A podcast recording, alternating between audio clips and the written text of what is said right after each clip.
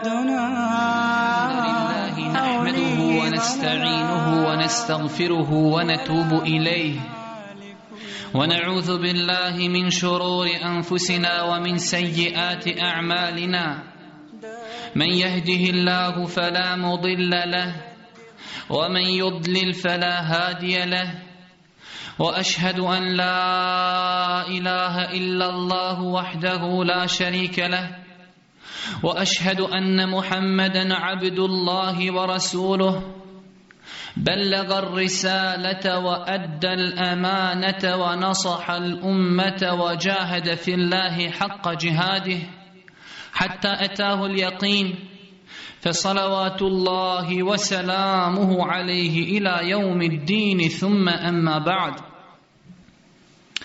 السلام عليكم ورحمة الله وبركاته Cijenjena braćo i poštovane sestre, večeras ćemo govoriti o onome o čemu naše duše ne vole da govorimo. O onome o čemu kada se govori u nekom sjelu, ljudi bježe iz takvih skupova i preziru i kaju se što su došli na takvo sjelo. Govorit ćemo o stvarnosti koja nikog ne pošteđuje, Bez razlike kojem sloju i staležu ljudi pripadao. Bio siromašan ili bogat. Bio star ili mlad. Bio crnac ili bijelac. Bio Arab ili ne Arab. Bio musliman ili nevjernik. Bez razlike bio spreman ili ne. Bez razlike želio ti to ili ne. Stvarnost koja nije zaobišla najodabranije Allahove dželle dželaluhu robove, poslanike i vjerovjesnike. Na čelu tih ljudi je Muhammed sallallahu alihi wasallam. Allah dželle dželaluhu da je ikog poštedio te stvarnosti, poštedio bi svog miljenika Muhammeda sallallahu alihi wasallam. Ali i on je okusio gorčinu tog pića. Braćo moja draga i cijenjene sestre, govorit ćemo o onome što čeka neizbježno sve nas koji slušamo ovo i sve one koji ne slušaju. Govorit ćemo o njemom najboljem vajzu za one osobe koje žele vas. Govorit ćemo o našem odlasku sa Dunjaluka. Govorit ćemo o našem napuštanju ove privremene stanice ovog privremenog boravka na Dunjaluku govorit ćemo cijenjena braćo i poštovane sestre o smrti o realnosti i stvarnosti koju bi trebao da spominje često svaki čovjek musliman da o bitnosti govora na ovu temu nema ništa osim da je to bila preporuka Božijeg poslanika sallallahu alihi wasallam njegovom ummetu, to bi bilo dovoljno. Kaže Boži poslanik sallallahu alihi wasallam Ekfiru min zikri hadim il I često smrt spominjite Onu koja ruši ovo dunjalučke užitke Također od stvari koje ukazuju na bitnost govora na ovu tematiku jeste i to da je Allahu miljenik Muhammed sallallahu alihi wasallam preporučio svom ummetu da posjećuju mezarluke kako bi se prisjećali smrti. U hadisu kojeg je zabilježio ima muslim od Burejde radijallahu ta'ala anhu da je Boži poslanik kazao Inni kuntu nehejtukum an zijarati l-kuburi zuruha fe inneha tuzakirukum l-ahira. wa fir rivaje فإن فيها عبرة وفي الرواية ألا فزوروها فإنها ترق القلب وتدمع العين وتذكر الآخرة Rekao je Boži poslanik, sallallahu alihi wasallam, najbolji pedagog, obraćajući se svome ummetu, bio sam vam zabranio posjetu mezarluka, a sada ih posjećujte, jer vas oni posjećaju na ahiret, u drugoj predaji stoji, zaista je u posjeti mezarlucima pouka. A u trećem rivajetu stoji, posjeta mezarlucima omekšava srca, čini oči suznim i posjeća na ahiret. Također cijenjene sestre i poštovana braćo, o bitnosti ove teme govori to da nakon smrti nema povratka, Onaj koji iskoristi ovo dunjalučki život, on je uspio. A koga provede u besposlicama, gafletu, grijesima, poželje će da se vrati kada mu iznenada dođe melek smrti, ali će tada biti kasno. Kada bi se muslimani samo malo češće družili sa Allahovom dželle knjigom, ne bi ih iznenadio melek smrti. Znali bi da melek smrti dolazi iznenada. Ne bi došli u situaciju da kažu, o gospodaru, vrati nas. Poslušajte riječi Allaha Đelle Đelaluhu kada opisuje stanje onih ljudi koji su nespremni dočekali, dočekali smrt. Kaže Allah subhanahu wa ta'ala أعوذ بالله من الشيطان الرجيم حتى إذا جاء أحدهم الموت قال رب ارجعون لعلي أعمل صالحا فيما تركت كلا إنها كلمة هو قائلها ومن ورائهم برزخ إلى يوم يبعثون Kada nekom od njih smrt dođi, on uzvikni gospodaru moj, vrati me, da uradim kakvo dobro u onome što sam ostavio. Nikada. To su riječi koje će on uzalud govoriti. Pred njim će prepreka biti sve do dana kada će oživljen biti. Braćo moja draga i cijenjene sestre, smrt to je čaša iz koje će piti svako od nas. To je stvarnost koju često zaboravljamo, a to se najbolje vidi da zaboravljamo na ovu stvarnost iz naših dijela, iz našeg ponašanja, a zar postoji cijenjena braćo i poštovani sestre razilaženje i sumnja da ćemo svi umrijeti? To je stvar oko koje su se složili vjernici i nevjernici. Samo je razlika što vjernici vjeruju da će nastaviti živjeti u Berzehu i da će biti proživljeni na sudnjem danu, a nevjernici misli da se sa smrću završava njihov život. Kaže Allah subhanahu wa ta'ala كل نفس ذائقة الموت وإنما توفون أجوركم يوم القيامة فمن زحزح عن النار وأدخل الجنة فقد فاز وما الحياة الدنيا إلا متاع الغرور Svako živo biće će smrt okusiti I samo na sudnjem danu dobit ćete u potpunosti vaše nagrade. Ako bude od udaljen i u džennet uveden, ta je postigao ono što želi, a život na ovom svijetu je samo vadljivo naslađivanje. Kaže Allah subhanahu wa ta'ala قل إن الموت الذي تفرون منه فإنه ملاقيكم ثم تردون إلى عالم الغيب والشهادة فينبئكم فينبئكم بما كنتم تعملون Reci, smrt od koje bježite, zaista će vas stići. Zatim ćete onome koji poznaje vidljivi i nevidljivi svijet vraćeni biti i on će vas o onome što ste radili obavijestiti. Pogledaj cijenjeni brate i poštovana sestro, čovjek kada se razboli, ide doktoru, traži lijeka, želi da ostane što duže na Dunjaluku, što više stariji, sve mu je draži život na Dunjaluku, sve se više čuva i pazi, samo da što duže ostane.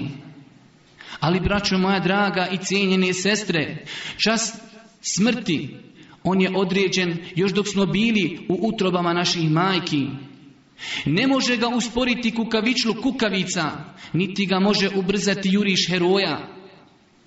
Najbolji primjer za to je primjer poznatog ashaba, velikog vojskovođe Halid ibn Velida radijallahu ta'ala anhu koji je preselio na postelji kao što spominje u njegovoj biografiji poznati islamski učenjak Hafiz ibn Hajar u knjizi koja se zove El Isabe. Prenosi riječi Halida radijallahu ta'ala anhu gdje je kazao ja sam tražio smrt i išao sam tamo gdje sam je mogao naći, ali umirim na postelji. Allahu Akbar, Halid, poznati vojskovođa, umire na postelji. Halid, u čijoj ruci, na dan bitke na Mu'ti, slomilo se devet sablji, Halid radijallahu ta'ala anhu koji je popio čašu otrova kada su je donijeli Rimljani i zatražili da neko od muslimana popije čašu otrova Halid ibn Walid radijallahu ta'ala anhu je popio čašu otrova oslanjajući se na Allaha dželle dželaluhu pa mu otrov nije naškodio Halid radijallahu ta'ala anhu koji kaže hladna noć u džihadu hladna noć u džihadu mi je draža od noći u kojoj bi mi doveli mladu, onu koju ja volim i ona koja mene voli i da mi rodi sina. Halid radijallahu ta'ala anhu toliko je prošao bitaka, ali umire na smrtoj posteni. Zato, braću moja draga, treba da budemo svjesni, treba da budemo svjesni da Smrtni čas ne možemo ubrzati, niti ga možemo usporiti. Od njega se ne možemo sakriti. Kaže Allah subhanahu wa ta'ala kunu, tekunu voda walau kuntum fi buružim mušajjede Ma gdje bili, stići će vas smrt, pa makar bili u visokim kulama. Također cijenjena braćo i poštovani sestre, smrtni čas ne zna niko sem Allah dželle dželaluhu kaže Allah subhanahu wa ta'ala inna Allahe indahu ilmu sa'ati wa yunazzilu l'gajf wa ja'lamu ma fil arham wa ma tadri nefsum maza teksibu gadan wa ma tadri nefsum bi ayji ardin temut samo Allah zna kada će svak svijeta nastupiti samo on spušta kišu i samo on zna šta je u matericama a čovjek ne zna šta će sutra zaraditi i ne zna u kojoj će zemlji umrijeti. Cijenjena braćo i poštovane sestre, nemoj da se zavaramo, da mislimo da smo mladi. Koliko je ljudi, omladinaca, koji su preselili prije nas, koji su se već naležali u zemlji, njihova tijela su već istruhnula, Srbi su pojeli njihova tijela i čekaju nove žrtve. A mi nasjedamo na jeftine šetanove spletke. Kada nam kaže pokajaćeš se kada ostariš. Nemojte, braćo moja draga i cijenjene sestre, da dozvolimo da potpadnemo pod ovu vesvesu. Ko nam garantuje da ćemo doživjeti sutrašnji dan? Ko nam garantuje da ćemo doživjeti sljedeću godinu? A kamoli ko nam garantuje da ćemo doživjeti starost? Pa ako je tako cijenjene majke i poštovana braćo, čemu toliki gaflet na svakom koraku grijesi, Je li to ima neko da je spreman za susret sa melekom smrti? Siguran sam da nema niko ko bi kazao da je spreman za susret sa melekom smrti. S druge strane, Cijenjena braćo i poštovani sestre, ako nismo spremni i ne znamo kada će nam melek smrti doći nepozvan u goste, zašto se ne spremamo za taj moment? Zar želimo da budemo od onih ljudi koji je spomenuo Allah subhanahu wa ta'ala u ajetu kojeg smo spomenuli na početku? Kale rabbi rđi'un, o gospodaru, vrati me. Zar želimo da budemo od tih ljudi koji će kada im dođu smrtne muke poželjeti da se vrati? Neki ljudi iz prvih generacija, neki selefi, shvatili su ovu stvar na vrijeme.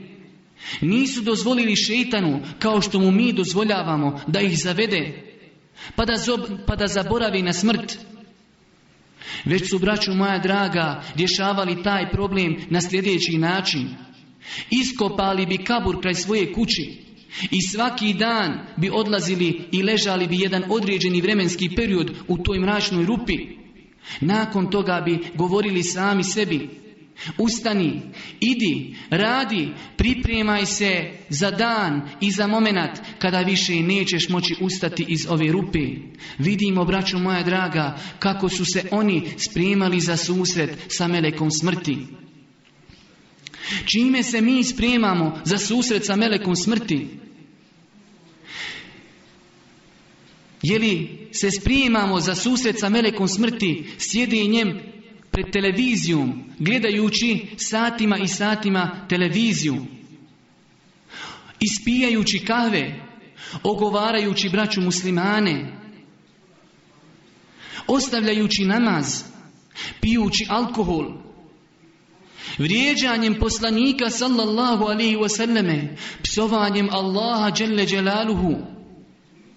razgoličenošću, nenošenjem šerijatske odjeći, naročito kada su u pitanju žene, jedući kamatu, davajući mito, odlazak sihribazima, jesu li to stvari kojima se mi pripremamo za susret sa melekom smrti?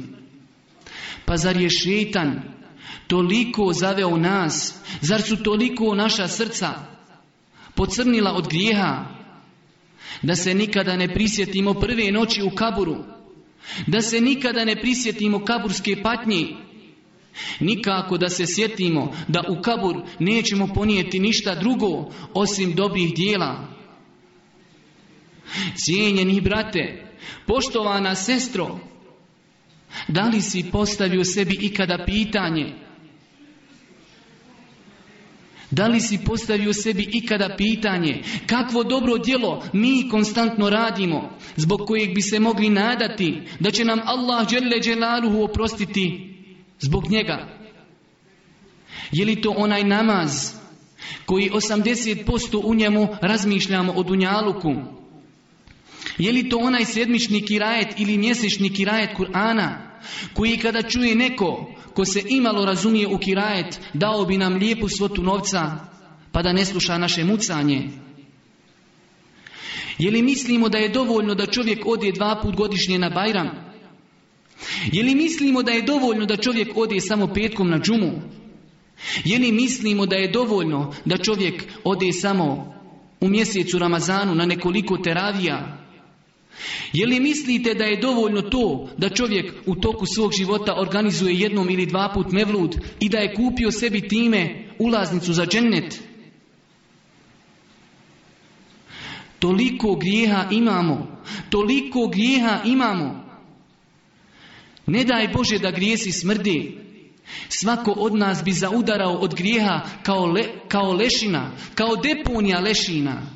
I opet toliki gaflet i opet toliki nemar. Koliko je samo veliki grijeha među nama. Koliko je gibeta. Koliko je nenimeta. Koliko je pogleda u ono što šerijat ne dozvoljava.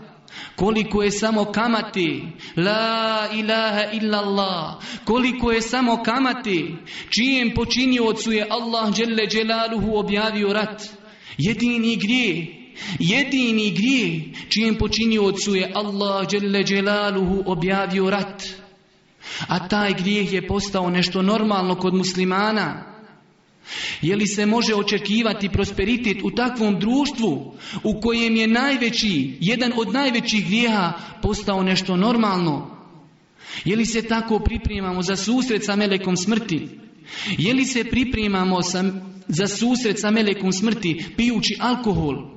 konzumirajući duhan, razgoličenosti, mržnjom, zlobom, zavisti, koliko je samo u našim životima onih stvari koje se nas ne tiču, koliko samo imamo razonode i besposlici. Cijenjena braćo i poštovane sestre, nekada čovjeku dođe šetan, pa ono malo dijela što radi, prikaže mu ih velikim, pa se čovjek zanese i pomisli da je dobar musliman. A pogledajmo, cijenjena braćo i poštovane sestre, pogledajmo u prve generacije, pogledajmo u njihov život, kako su se oni pripremali za susret sa melekom smrti, za susret sa Allahom subhanahu wa ta'ala, koliko su samo ulagali truda, koliko su se samo trudili, a koliko su se bojali smrti. A mi, puka suprotnost, ne radimo ništa. Ne radimo ništa kako bi se pripremili za susret sa melekom smrti, a uopšte se ne bojimo smrti. Uopšte se ne pripremamo i uopšte se ne bojimo. Pogledajte sljedeće primjere i pokušajte napraviti komparaciju između ovih primjera i našeg života. Čovjek koji se zvao Ebu Bekr el-Ajjaš, rahmetullahi alihi, kada su mu nastupile smrtne muke, pozvao je svoga sina. Pozvao je svoga sina u tim teškim momentima pa mu kaži O sine moj, o sine moj, nemoj u ovoj kući, u ovoj sobi činiti grijehe, jer sam ja u ovoj kući proučio Kur'an osamnaest hiljada puta.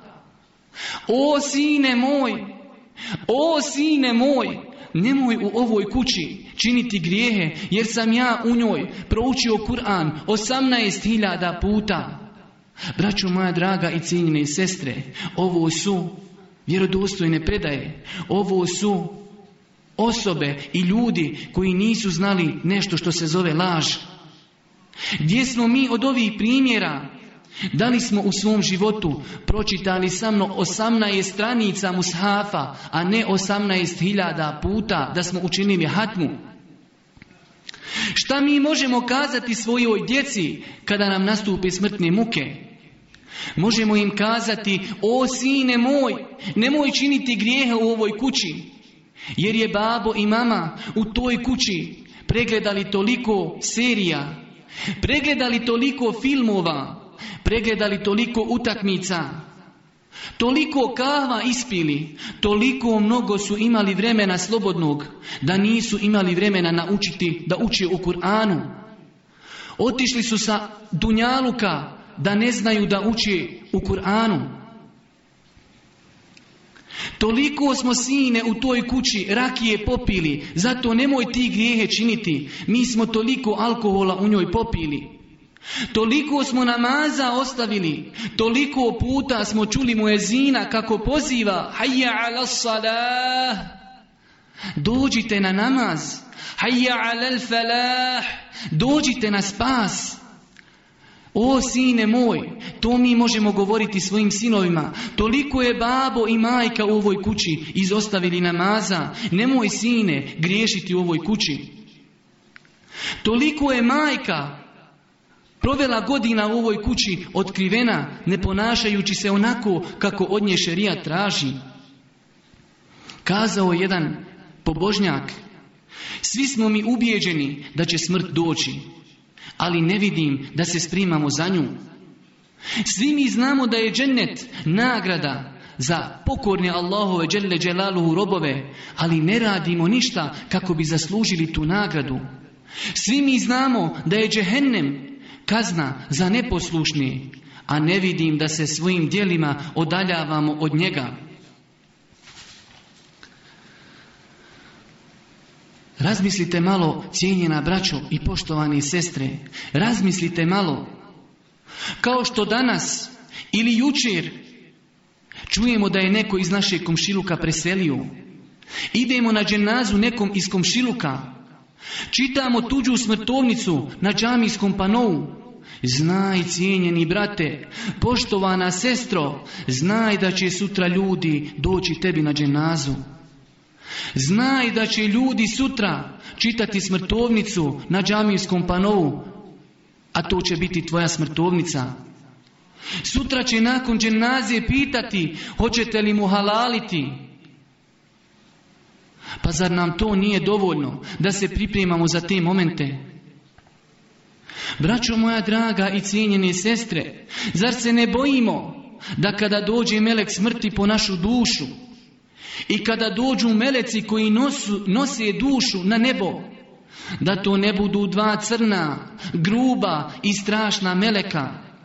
Oni meleki koji će kazati, o ti prljava dušo, izlazi, idi, Allah je srdit na tebe i ljud, Zar se ne bojimo, braćo moja draga, da će naša duša biti od onih duša koje će teško izlaziti kao da se vruć ožeg vadi iz vlažnije vuni kidajući vene i živce kao što je došlo u vjerodostojnim hadisima od Božijeg poslanika sallallahu alihi wasallame.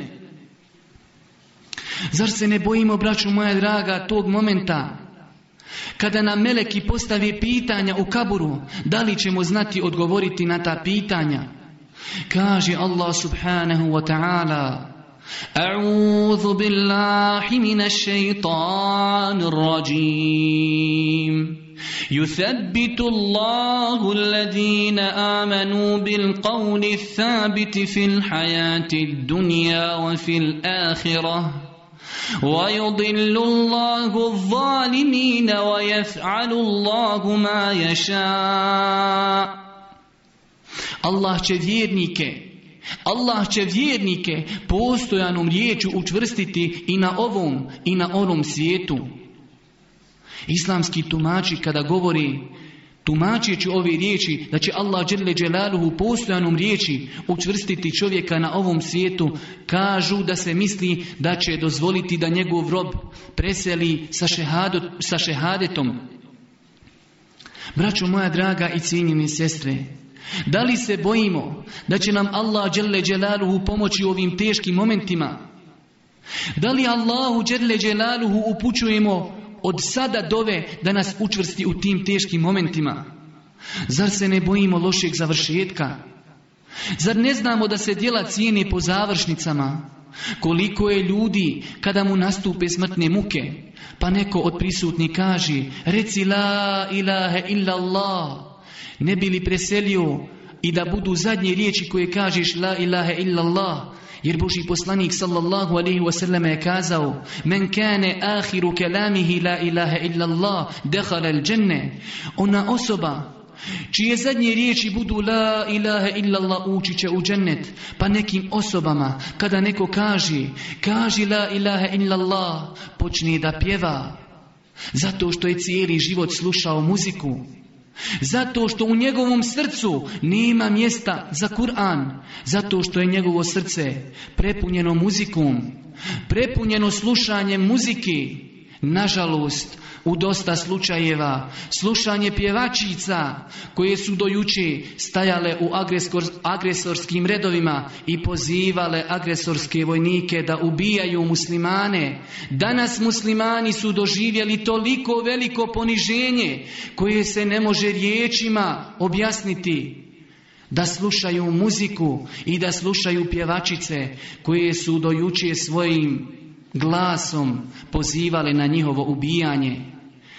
Drugom čovjeku kada se kaže reci la ilaha illallah, kaže kupite tu i tu zemlju, kupite to i to, povoljno je, zato što je njegovo srce vezano za dunjaluk.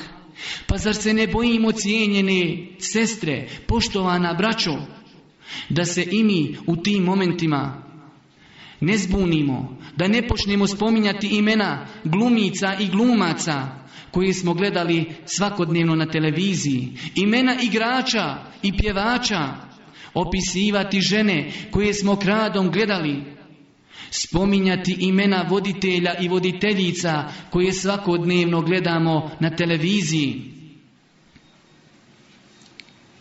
Da počnemo spominjati imena osoba od kojih smo krali njihov imetak. Zar se ne bojimo da ćemo u tim momentima počinjati spominjati imena osoba s kojima smo činili prostituciju? Zar se ne bojimo da ćemo u tim teškim momentima početi spominjati imena ljudi od kojih smo uzimali kamatu? I kao takvi, cijenjena braćo i poštovane sestre, da odemo sa ovog svijeta i kao takvi da budemo proživljeni. Jer znajte, znajte cijenjena braćo i poštovane sestre, da čovjek, čovjek će biti proživljen onako kako je preselio. U hadisu kojeg je zabilježio ima muslim, od Džabira Allahu ta'ala anhu da je Boži poslanik kazao svaki čovjek će biti proživljen onako kako je preselio. Kako je samo velika razlika da čovjek preseli radići neko dobro djelo. Kako je samo velika razlika da čovjek preseli izgovarajući šehadet i kao takav ode svome gospodaru. A kako je samo velika razlika između njega i onog koji ode pred svoga gospodara, a on je bio pod dejstvom alkohola, vraćajući se kasno naveče iz diskoteke jedan veliki islamski učenjak Učenjak Hanefijske pravne škole Imam Kasani Rahmetullahi Alihi, kada su mu nastupile smrtne muke počeo je da uči suru Ibrahim pa kada je došao do riječi Allaha Jelle Jelaluhu, yuthabbitu Allahu amenu bil thabiti fil hayati dunja wa fil ahira Allah će postojanom riječu učvrstiti vjernike i na ovom i na onom svijetu preselio je kada je izgovorio ove riječi mi, braćo moja draga, svi mislimo o sebi veoma pozitivno, svi mislimo da smo mukmini, svi mislimo da smo veoma dobri vjernici. Malo ko od nas se boji nifaka, Na, malo ko od nas se boji te opasne i teške bolesti. A vidjet ćemo, braćo moja draga, kada pogledamo u stanje prvih generacija, da su se oni bojali nifaka, da su se bojali licemjerstva, Kaže jedan tabi'in, doživio sam 30 ashaba Božijeg poslanika sallallahu alaihi wasallame i svi su se bojali za svoje srce da je to srce munafika. Rekao je Hasan el Basri, munafik je taj koji se ne boji ni faka, a mu'min je taj koji se boji za svoje srce ni faka. Gdje smo mi, braćo moja draga i cijenjene sestre, od ovakvih primjera? Abdullah ibn Amr, kada su mu nastupile smrtne muke, rekao je, pozovite mi tog i tog čovjeka. Ja sam njemu kazao nešto, iz čega se može zaključiti da sam mu obećao dati svoju čer za ženu. Pa je kazao, uzimam vas prisutni za svjedoke da sam ga oženio svojom čerkom, jer ne želim da sretnim gospodara, subhanehu wa ta'ala, sa trećinom nifaka. Cijenjena braćo i poštovani sestre, jesmo li spremni da napustimo svjetlost dunjaluka i da je zamijenimo sa tamom kabura? Jesmo li spremni da zamijenimo širinu dunjaluka sa tjeskobom i samoćom kabura? Da li smo spremni za te momente?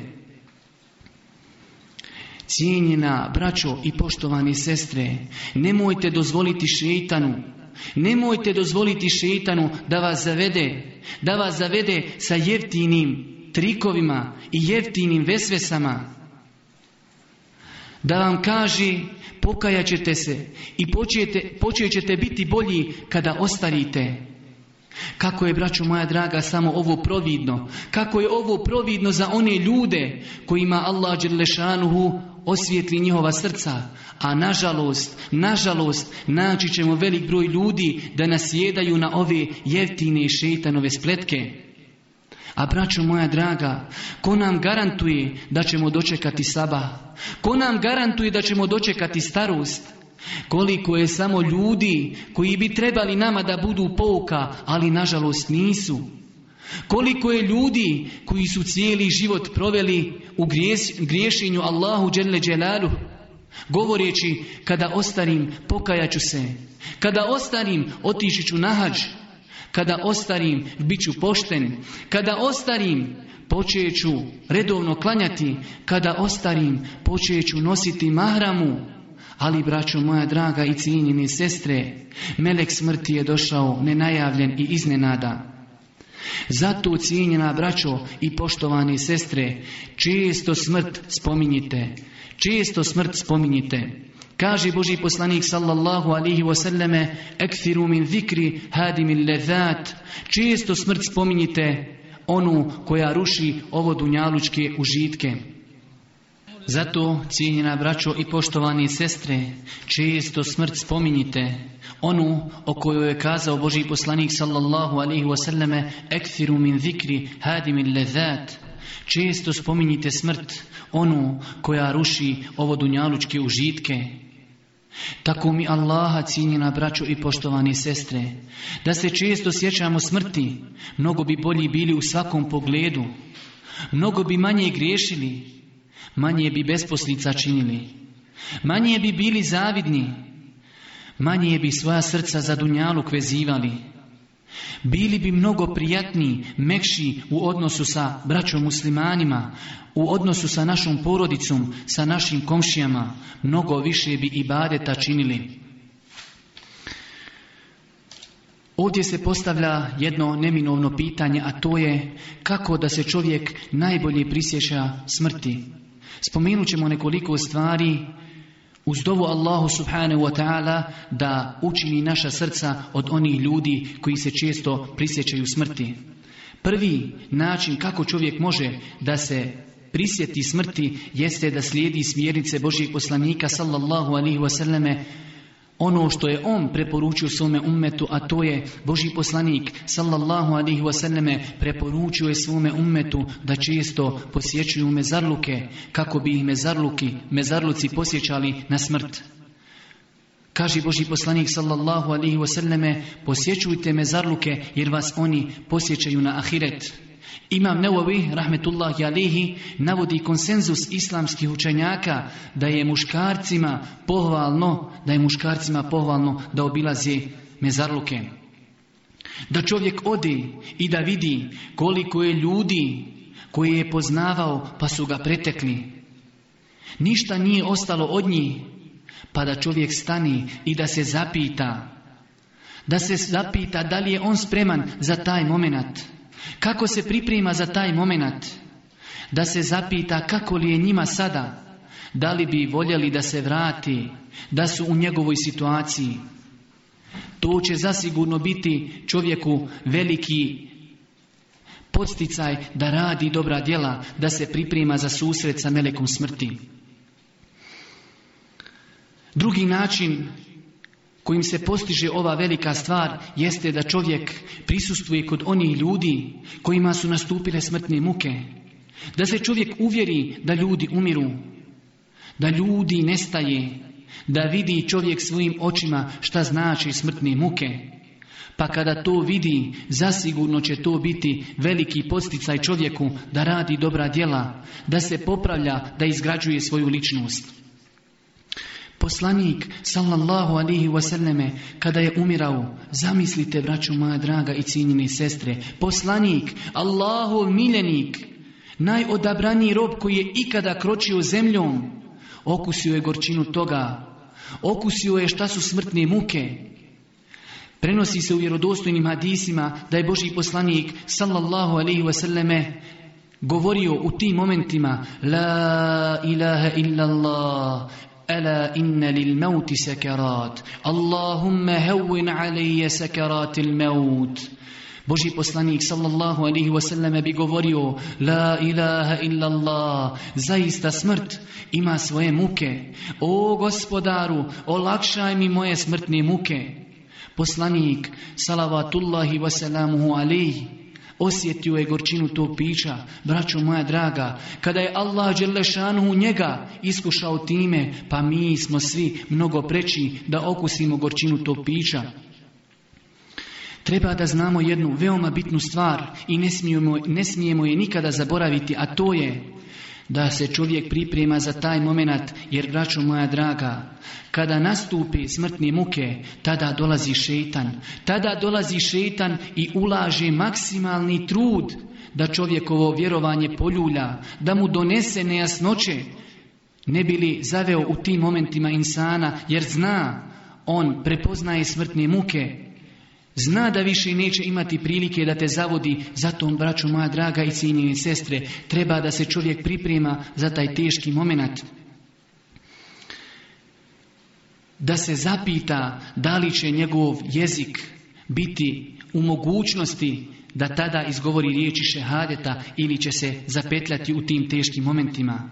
Treća stvar, koja i kako plodonosno djeluje kada je u pitanju prisjećanje na smrt, jeste, braćo moje draga i i sestre, odlazak, klanjanje dženazi, klanjanje dženazi umrlima. To je veoma dobar način za prisjećanje na smrt. Nažalost, Nažalost, mi živimo u vremenu kada ljudi dolaze na dženazu svom radnom kolegi koja će se obaviti nakon nekog farzna maza često nakon ikindije i dolazi svom radnom kolegi na dženazu i nije uzeo ni najminimalniju pouku iz njegove smrti pa čeka pred džamijom da ljudi iziđu sa namaza pa da im se priključi pa da klanja zajedno sa njima dženazu. Nije uzeo minimalnu pouku i poruku iz smrti njegovog kolegi. Nije smogao snage da klanja taj dan, taj jedan farz nakon kojeg će se klanjati dženaza njegovom radnom kolegi. Kako su samo ta srca okorjela u grijesima, kako su samo ta srca daleko od Allaha subhanahu wa ta'ala. Druga skupina ljudi, oni koji su došli i obavili farz prije klanjanja dženazi, kada dođu pokraj medjita, smiju se, gurkaju se, a ne znaju da su daleko od onoga na čemu je ona osoba kojoj se klanja dženaza samo jedan momenat, samo jedan momenat i samo jedan korak. Zato cijenjena braćo i poštovane sestre, to je taj nijemi vajz po kojim smo naslovili ovo naše predavanje. To je najbolji vajz onim osobama koje žele vas. Onim osobama koje uči na tuđim greškama i ne čekaju da svaku grešku iskuse na svojoj koži. Kaže Allah dželle dželaluhu: وَجَاءَتْ سَكْرَةُ sakratul mauti Zalike ma kunta minhu tahid. Smrtne muke će zbilja doći. To je nešto od čega se ne može pobjeći. Zato, braću moja draga i cijenjene sestre, ako se ne može pobjeći i ne znamo kada će doći, ništa drugo nam ne preostaje nego da se pripremamo za nju. Muad ibn Džebel, poznati ashab, ashab za kojeg je Boži poslanik sallallahu alihi wasallame kazao da će biti predvodnik u Lemi na sudnjem danu. Ashab kojim je Boži poslanik kazao inni uhibbuke ja muaz, o muaze, ja te volim. Taj Muaz ibn Džebel radijallahu ta'ala anhu, kada su mu nastupile smrtne muke, govorio je o gospodaru, ti znaš da nisam volio život na Dunjaluku da bi sadio drveće, niti prokopavao rijeke, niti da bi gradio kuće i dvorce. Već sam volio Dunjaluk radi tri stvari. Volio sam Dunjaluk da bi postio kada nastupe velike vrućine. Volio sam Dunjaluk da bi klanjao noćni namaz. I volio sam Dunjaluk zbog toga da bi se gurao i tiskao svojim koljenima pred učenim i pred ulemom. Zato oni koji misle da su spremni za susret sa Melekom smrti, neka uporede svoje stanje i stanje ovih ljudi. Kada je nastupila smrt Ibrahimu ibn Hanio, rahmetullahi alihi, rekao je svome sinu da je žedan, pa je otišao sin da donese svome ocu vodi. Pa kada je donio vodi, kaže mu otac, je li zašlo sunce?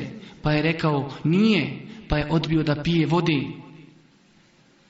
Pa je proučio sljedeći ajet, li misli haza, fel amilun. Za ovako nešto neka se trude trudbenici i preselio je. Otišao je žedan, otišao je žedan Allahu dželle zato što je bio postač.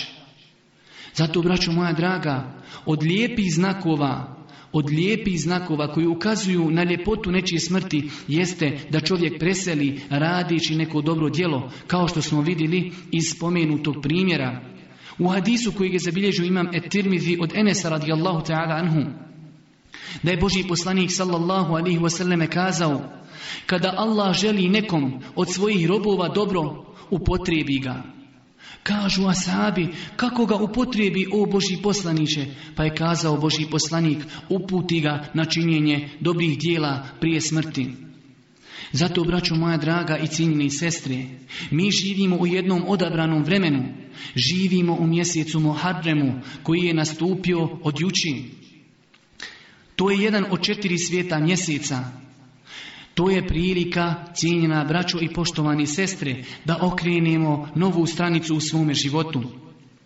To je mjesec o kojem je kazao Allahu poslanik sallallahu alihi wasallame u hadisu kojeg je zabilježio imam et-Tirmidhi od Ebu Hureyri, a hadis je vjerodostojan i njegovu vjerodostojnost je potvrdio šiha Albani rahmetullahi alihi, da je Boži poslanik sallallahu alihi wasallame kazao afdalu sijami bade šehri Ramadane šehrullahi el muharram najbolji post nakon posta u mjesecu Ramazanu je post u Allahom mjesecu al muharramu zato, ciljna braću i poštovani sestre, treba da iskoristimo ovaj Mubarek, blagoslovljeni mjesec, da što više postimo po preporuci Božih poslanika sallallahu alihi wasallame, a naročito 9., deseti i 11. dan ovog mjeseca, deseti dan ovog mjeseca je dan Ašuri, poznat kod nas pod tim imenom, dan Ašuri, a to je ako Bog da po kalendaru sljedećeg ponedjeljka. Gdje kaže Boži poslanik sallallahu alaihi wasallame o postu tog dana nada se da će oprostiti oni, da će se oprostiti onim osobama koji isposte taj dan grijesi prošli godini. Zato treba da organizujemo sebe, svoje porodice, svoj komšiluk, svoju rodbinu i da ih podstaknemo na post u ovom mjesecu općenito, a naročito kada je u pitanju post na dan Ašuri.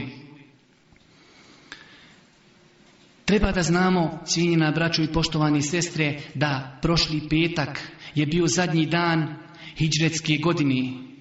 Čovjek musliman bi trebao da odluči da će ovu godinu, da okrene u ovoj godini novu stranicu u svome životu. Da će čovjek musliman da napravi životni inventar.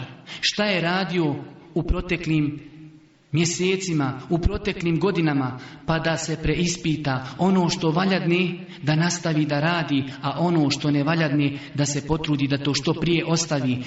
Normalno kada kažemo ono što valjadni i ono što ne valjadne, sudija tome je šerijatska vaga da čovjek gleda šta valja, a šta ne valja, shodno argumentima Kur'ana i sunneta. Ne može čovjek kazati, meni je korist da trgujem alkoholom, ne, čovjek treba da gleda kako šerijat gleda na trgovanje alkoholom. Također, braću moja draga i cijenjeni sestre,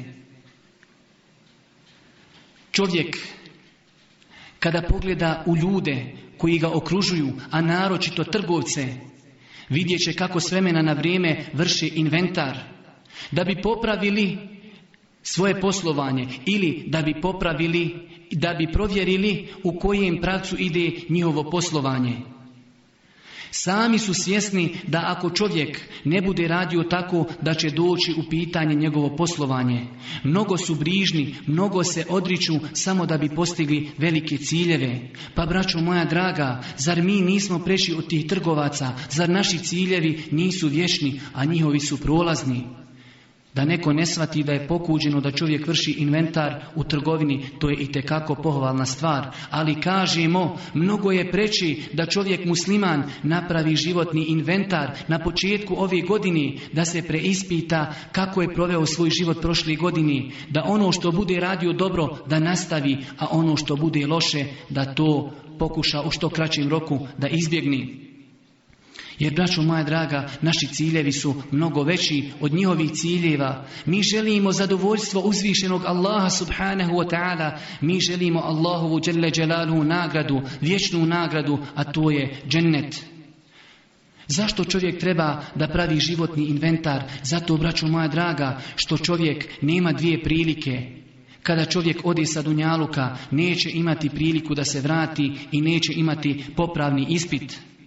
Zato znajte, braćo moja draga i cijenjeni sestre, što budemo stroži prema sebi kada je u pitanju životni inventar, lakše će nam biti položiti Lakše će nam biti položiti račun na sudnjem danu koji će zasigurno biti strog, precizan i pravedan.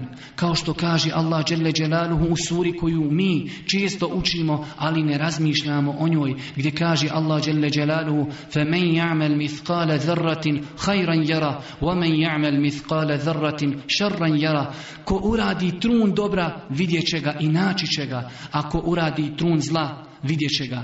Rekao je Omer radijallahu ta'ala anhu, Preispitajte se prije nego što budete polagali račune na sudnjem danu. Izvagajte sebe i svoja djela prije nego što vi budete postavljeni na vagu na sudnjem danu. I to će vam, kaže Omer radijallahu ta'ala anhu, olakšati polaganje računa na sudnjem danu. Na kraju krajeva, to je preporuka uzvišenog Allaha Đelešanuhu njegovim robovima, a on je daleko od toga da preporuči svojim robovima nešto u čemu nije kori za njih. Kaže Allah subhanahu wa ta'ala. أعوذ بالله من الشيطان rajim. يا أيها الذين آمنوا اتقوا الله ولتنظر نفس ما قدمت لغد واتقوا الله إن الله خبير بما O vjernici, bojte se Allaha i neka svako od vas pogleda šta je pripremio za sutra. Neka svako od vas pogleda šta je pripremio za sutra, neka učini i neka uradi životni inventar, kaže Allah Đelešanu na kraju ajeta i bojte se Allaha, zaista Allah dobro zna ono što vi radite. Spomenut ćemo samo nekoliko stvari s kojima ćemo završiti ovo naše druženje. One osobe koje budu vršile životni inventar onako kako smo ga preporučili, preporučujemo im nekoliko savjeta. Prva stvar, imajte u vidu veličinu Allahovi džele dželaluhu blagodati prema nama kada budete svodili životni inventar. Razmislite malo o veličini Allahovi blagodati prema nama. Zapitajte, zapitajte sebe sami. Ko nam je podario ovu plemenitu vjeru? Ko nas je učinio sljedbenicima Božijeg poslanika, najodabranijeg poslanika i najodabranijeg insana koji je kročio ikada zemljom. Ko je podario u našim srcima ljubav prema tom poslaniku, toliku ljubav da bi čovjek dao sve na dunjaluku da vidi Božijeg poslanika usnu, a šta bi onda tek dao da ga vidi na javi. Da malo razmislimo o blagodati zdravlja, da razmislimo o blagodati potomstva, da razmislimo o blagodati sluha, vida, razuma, da razmislimo malo o blagodati mira i slobode koje nema velik broj ljudi na Dunjaluku. Zato ćemo shvatiti Svatiti poruku riječi Allaha Đelešanu gdje kaže o نِعْمَةَ اللَّهِ لَا A ako budete brojali Allahove blagodati prema vama, nećete ih moći izbrojati. Treba da znamo cijenjena, braćo i poštovani sestre, te blagodati, to je Allahova milost prema nama, a ni u kom slučaju nemojte misliti da smo to mi zaslužili. Jer mi, ne da nismo zahvalni Allahu Đelešanu na tim blagodatima, mi dosta puta te blagodati koristimo u stvarima koje Allah Đele Đelaluhu zabranio. Pogledajte samo jedan primjer, primjer vida. Zamislite, braću moja draga, da nas Allah iskuša time i oduzme nam tu veliku blagodat. Kako je samo velika ta blagodat. A mi, u šta koristimo ovu blagodat? Gledajući porno filmove, gledajući žene, gledajući porno literaturu, gledajući serije, gledajući filmove. Ko od nas koristi tu blagodat u ono što je šerijatom dozvoljeno? Da čita Kur'an, da čita svaku drugu dozvoljenu literaturu. Zaista smo, brašo moja draga i ciljne sestre, odvažni i hrabri. Allah Đelle nam je dao razum i tim razumom nas odlikovao nad mnogim svojim stvorenjima, a mi dosta puta kao da nemamo razum, kao da ga ne koristimo. Zar ne može razuman insan da svati da je alkohol zlo? Zar ne može razuman insan da svati da je droga zlo? Zar ne može razuman insan da svati da je duhan zlo? Zar ne može da svati razuman insan da je krađa zlo? Zar ne može da svati razumna žena da je nenošenje islamske nošnje veliko zlo? Zar ne može razuman insan da shvati da je prostitucija veliko zlo? Mi dosta puta, braćo moja draga, radimo one stvari koji se stide ona stvorenja koja je Allah subhanahu wa ta'ala učinio na nekom nižim stepenu od nas da nemaju razuma. Zato, braću moja draga, treba da postavimo sebi pitanje, jedno veliko pitanje, a to je da li vjerujemo i da li znamo da nas Allah Đelle čuje i da nas Allah Đelle Đelaluhu vidi. Pa ako kažemo i budemo vjerovali da nas Allah Đelle ne vidi i ne čuje, onda treba da se preispitamo, treba da preispitamo svoje vjerovanje. A ako budemo vjerovali i znali a trebali bi inša Allah da znamo da nas Allah dželle dželaluhu vidi i čuje na svakom mjestu onda treba da se zapitamo gdje je naš stid gdje je naš stid naspram Allaha dželle dželaluhu treba da znate braću moja draga da će čovjek doći na sudnji dan da će mu se pokazati 99 registara. 99 registara kao što je došlo u vjerodostojnim hadisima od Božih poslanika. Zamislite koliki su ti registri u kojima su se pisala djela insana. Svaki od njih je dug koliko je dug pogled insana, dokli može dostići njegov pogled. Treba da se prisjetimo riječi Allaha dželle dželaluhu u suri Kehf gdje kaže: "Mali hadha kitab la yugadiru sagiraten wala kabiratan." Kakva je ovo knjiga? Kazat ljudi na sudnjem danu kakva je ovo knjiga koja nije izostavila ni malog ni velikog grijeha. Zato, braću moja draga, na kraju ovog druženja iskoristimo ovaj Mubarek mjesec, ovu blagoslovljeno vrijeme, okrenimo novu stranicu u svome životu, iskreno se pokajmo Allahu Đele Đelaluhu. Ostavimo rađenje onih stvari koje je zabranio Allah subhanahu wa ta'ala, a naročito, a naročito kada su u pitanju veliki grijesi i činjenje Pazite dobro i javno učinjenje velikih grijeha kao što je pijenje alkohola, prostitucija, razgoličenost, kamata, mito, korupcija i ostali veliki grijesi. Molimo Allaha Đele Đelalu na kraju ovog izlaganja da ono što smo čuli bude dokazom za nas, a ne protiv nas na sudnjem danu. Molimo ga Subhanahu wa da nas učvrsti u ovim teškim vremenima.